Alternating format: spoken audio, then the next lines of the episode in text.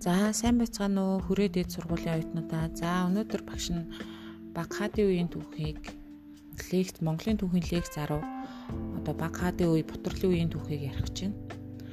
За тэгээд бидний мэдж байгаачлан 1368 онд Юан гүрнийг мөснөөс хойш монголчууд одоо манжид эзлэгдэх хүртэлх энэ цаг хугацааг одоо баг хаадын үе, Бутрлын үе, улс төрийн Бутрлын үе За умард юан ус, ар юан усын үе 44 2-ын Монгол гих мэтчлэн одоо ялгаатай байдлаар түүх сурвалжуудад тэмдэглэн үлдээсэн байдаг.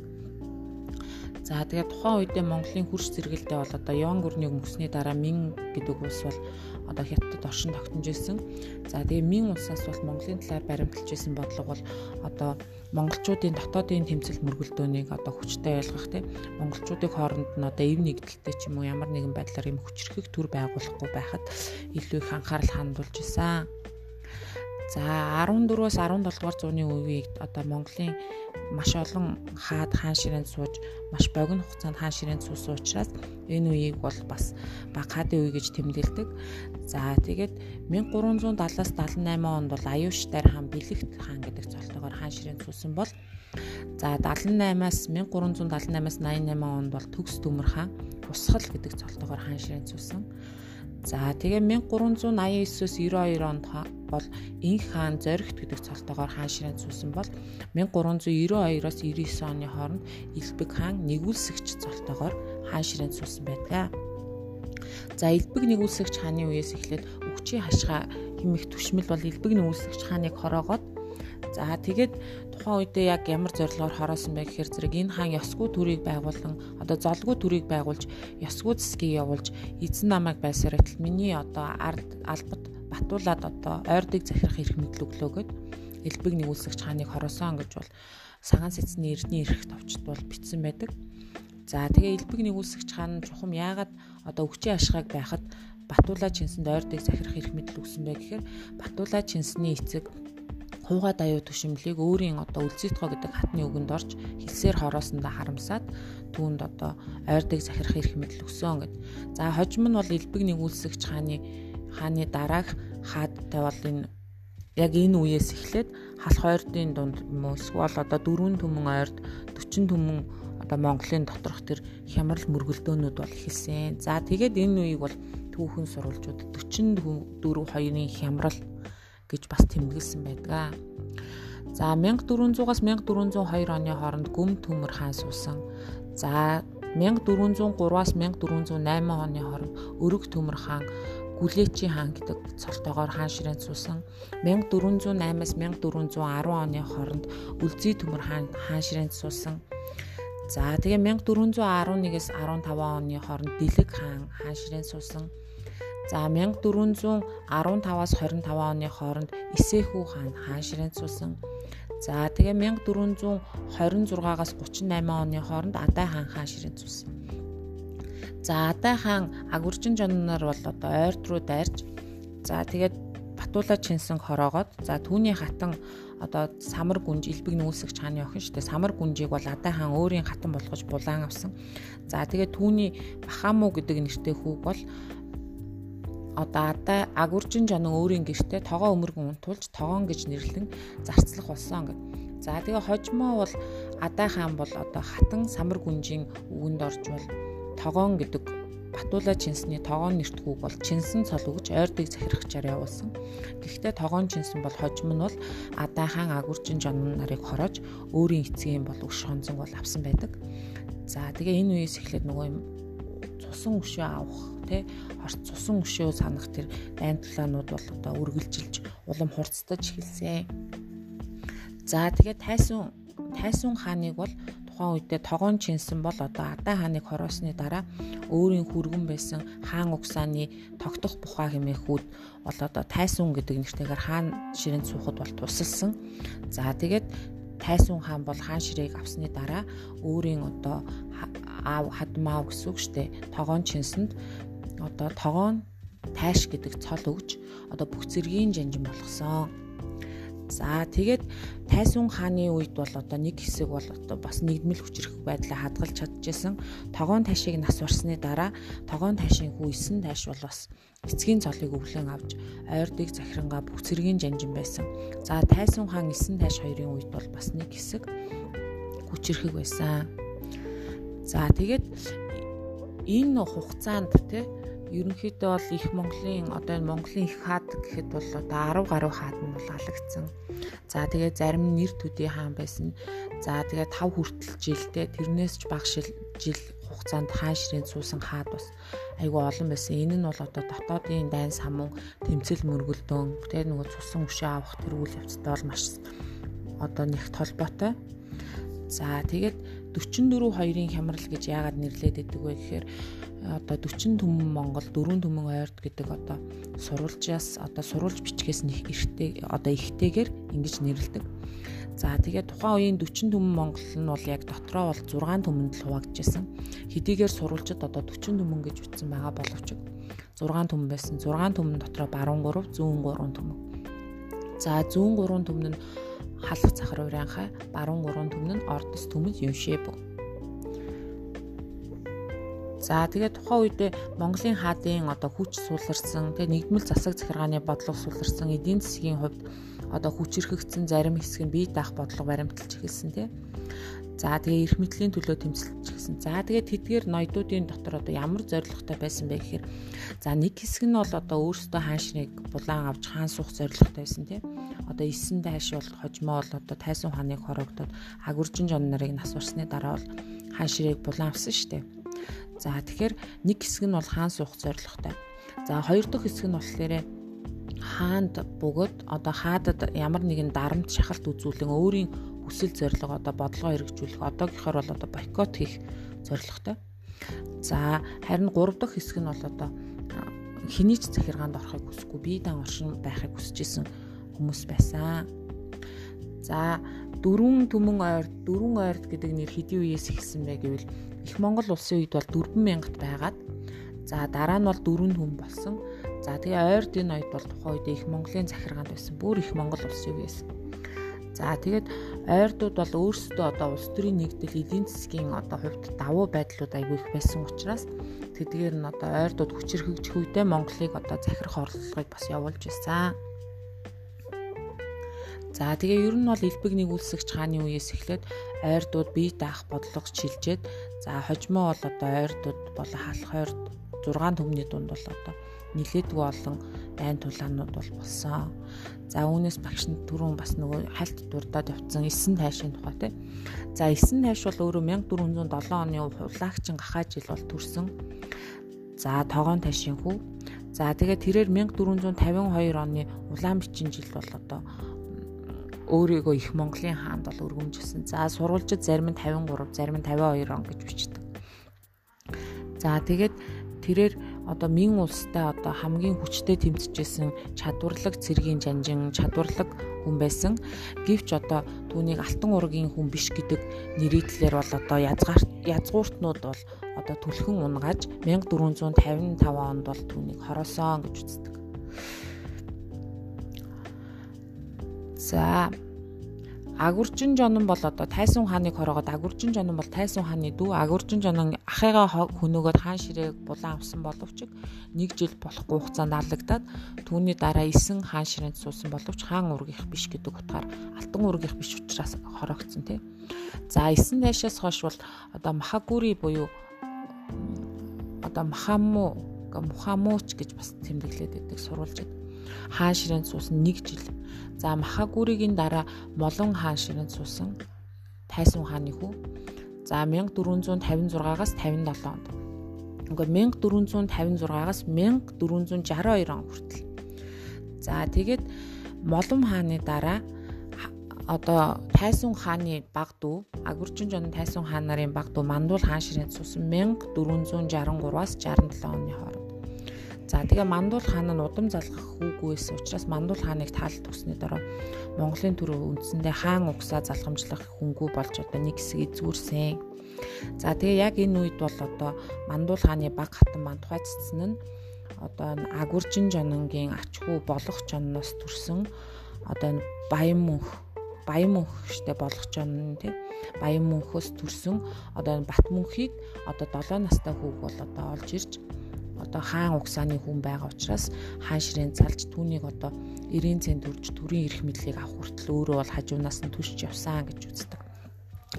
За Батмөнх Даян хаан бол 1517 оны хүртэл 1470-аас 1517 оны хүртэл хаан ширээн зүүсэн.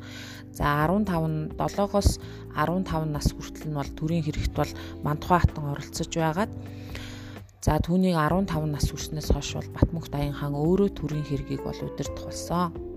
За Батмөнх Даян хаан 1517 онд таалал болсноос хойш Барсвалд Жонон буюу түүний 3 дахь хүү Барсвалд Жонон бол хаан ширээг бол захирсан 1517-оос 19 хоног. За тэгээд Барсвалд Жононгийн дараа бол Бод Алаг хаан бол 1519-өөс 1547 оны хооронд бол хаан ширээнд суусан байдаг. За Батмөнх Даян хааны талаар багш нэлээд дэлгэрүүлээд яриа те. За Батмөнх Даян хаан бол 1464 оны хөх бичин жил бол төрөөд за тэгээд Баян мөнх жононгийн хүү буюу болох жононгийн хүү. За тэгээд тэрээр одоо 7 настайдаа одоо Мандуул хааны баг хатан Мандухайн дэмжлэгтэйгээр хаан ширээнд суугаад даян хэмээх цол авсан. Даян улсыг нэгтгэх болтугай гэж даян хэмээх цол авсан. За тэгээд тэрээр 1517 онд нас урсан тий. За тэгээд түүнийг одоо 15 настай болж одоо хаан ширээг авах хүртэл мантухай цэцэн хатан бол төрийн хэрэгт туслалцаж дэмжилцээд тухайн үедээ бол одоо төмдийн дунд гарсан одоо ойрд ноёдуудын дунд гарсан ямар нэгэн дайн тулаан юм уу бослог өмнөнийг бол Даян хааны нэрээр бол дайлаар явж бол дарж исэн. За зарим нь бол одоо эвийн хүчээр нэгтгэжсэн байдаг. За тэгээд Батмөнх Даян хааныг 15 настай байхад Мандухай хатан бол одоо хөл хүнд болсон гэдэг. Батмөнх Даян хаан 90 цент хүрсэн гэсэн үг шүү дээ тий. За тэгээд Батмөнх Даян хаан Мандухай хатан хоёроос бол одоо 7 хүү төрсөн. 7 хүүхэд бол төрсэн байдаг. За улс бол төр болд бол ихэр дараа нь барс болд тэгээд дараа нь арс болд ар болд очир болд ачуу болд гэдэг хүүгүүд төрсөн. За төрөлт гээд нэг гүнж төрсөн. За тэгээд Батмөнх Даян хаан бас дараа нь баг хатнаас нь болохоор гэр болд гэрсэнц гэдэг хоёр хүү төрсэн байдаг. За ингээд ер нь бол Батмөнх Даян хаан 9 хүүтэй гэсэн үг тийм. За 1488 оны үед бол одоо Батмөнх Даян хаан тийм. За уучлаарай дуудлагаар өдрөд багш нь тасалчлаа. За 1488 оны үед бол Даян хаан бол нэлээд одоо хүчрхэг болсон үедээ одоо олон найд олон засгийг бол өөртөө татаж нэгтгэж чадсан байсан. Тэгээд 1488 онд бол одоо Хятадын Мин улсын хаан бол захидал илгээхдээ өөрийгөө Ихён улсын хаан хэмээн одоо бичиж захидал явуулсан байдаг. За тэгээд тухайн үед Мин улс болон одоо Даян хаан нарын хувьд одоо гэрээ байгуулж исэн найрамдлын гэрээ гэсэн үг шүү дээ дайндлаа хийхгүй. За ингээд 1500 оны хүртэл бол Мин улстай бол худалдаа хийж найрс харилцаатай хийвэр байсан.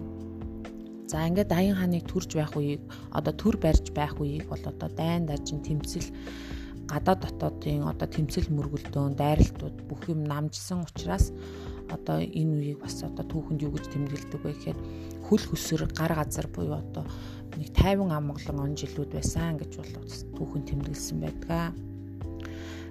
За тэгээд За ерөнхийдөө нөгөө нэг 14-өөс 16 дугаар зууны үеийн төрийн байгууламжийн талаар багш нэг ерөнхийд нэр чи хаан байгаад хааны дор одоо ноёдын чуулган байна тий. За тэгээд ноёдын чуулган дотроо 6 түмэн Монголыг сая багш нь хэлсэн тий. Баруун зүүн гээд 3 түмэн хуваадаг. Зүүн 3 түмэн буюу халах цахар урийн хаг бол хаан өөрөө захирдаг. Баруун 3 түмэн буюу ордос түмэнд юншээг юншэбүг бол жонн цолтон үнд бол захирдаг. За тэгээд дөрвөн ойрдыг бол тайш За заавал тайш биш. Өмнө нь бол одоо чинсэн цолтой хүмүүс бол захирч байсан тийм батуула чинсэн, тогоон чинсэн, хожин бол одоо э, эсэн тайш. Тэгээд ер нь бол чинсэн хүчрхэг байх үедээ бол одоо ойрдууд хүчрхэг байх үедээ тайшнар. За тэгээд ерөнхийдөө бол зүүн гар буюу 6 төм Монгол хүчрхэг байх үед бол чинсэн цолтой хүмүүс захирдаг байсан. За тэгээд ойр дотроо бол хошууд, торгууд, дөрүүд, чорс гэдэг 6 төрлийн дөрвөн овог бол багтана.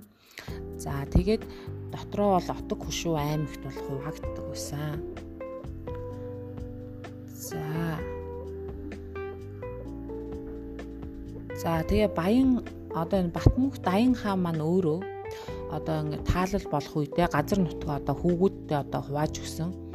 За тэгээ төр бол буюу одоо энэ нөгөө том хүн одоо эцгээсээ өмнө таалалд өссөн. За бид нар нөгөө мантгач цэцэн гэдэг кинон дээр ч гэсэн харагддаг те. Жонн цолтоогоор одоо нөгөө баруун гурван төмнийг захирахаар очоод аалагддаг те. За тэгвэл одоо улс болд бол одоо 1500 онд бол алдагдсан байдаг. За Барсуулт жонон бол хожимоо бол хааны одоо эцгийнхээ дараа хаан ширийг өвлөж авсан. За тэгээ Арс болдод бол одоо төмдийн 7 отог. За Очир болдод Сахрын 7 отог хишигтэн. За Ачуу болдод Халахын 4 отог. Ар болдод сахар одоо хучдын 2 отгийг өгсөн. За тэгээ гэр болдод оохон 8 гэдэг овгуудыг өгсөн. За тэгээд мөн одоо гэрсэнцэд болохоор халахын 7 отгийг өгсөн гэж бол тэмдэглэсэн байдаг. За тэгээ гаруудаа гэдэг нэг хүү байсан боловч одоо мөн нас урсан байдаг юм байна.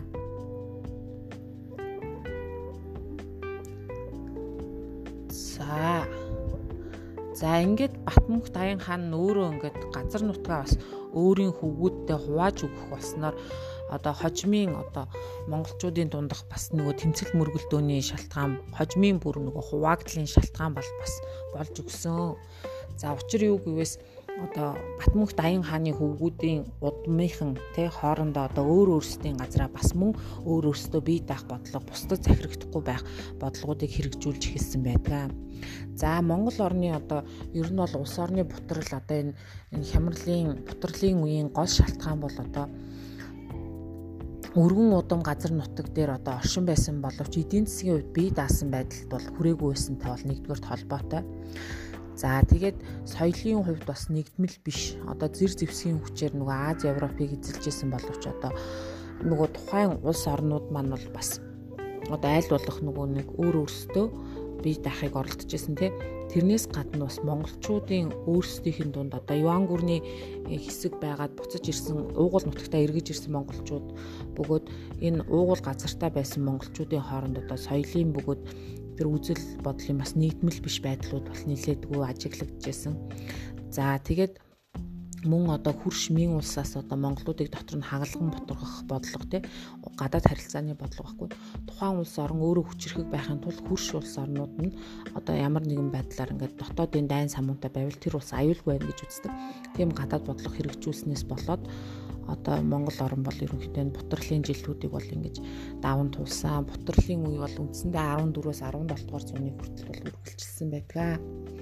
За тэгээд энэ улс төрийн бутрал те баг хаадын үе те пеодлын бутрлын үе энэ үеүүдийн эцсийн үр дүн нь бол монголчууд манжчин гүрний одоо хөрш зэрэгэлдээ одоо зөрчид угсааны манжууд төрөө байгуулад монголчууд манжийн дарлалд орсноор одоо ерөнхийдөө энэ үр дүн нь бол харагддаг эцсийн дүндээ бусдын дарлалд орсон.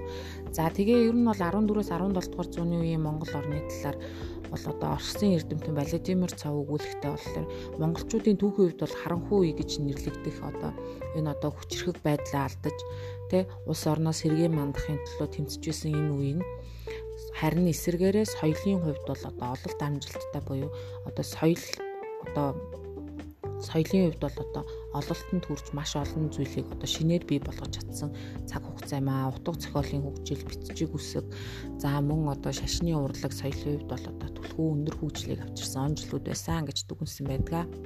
За ингээд анхаарал хандуулсан хүүхдүүдэд баярлалаа. За дараагийн хэсэгт багш нь одоо монголчууд манжийн дарлалд орох болсон шалтгаан. За тэгээд манжийн дарлалд орох бол тэр үйл явцыг танилцуулнаа.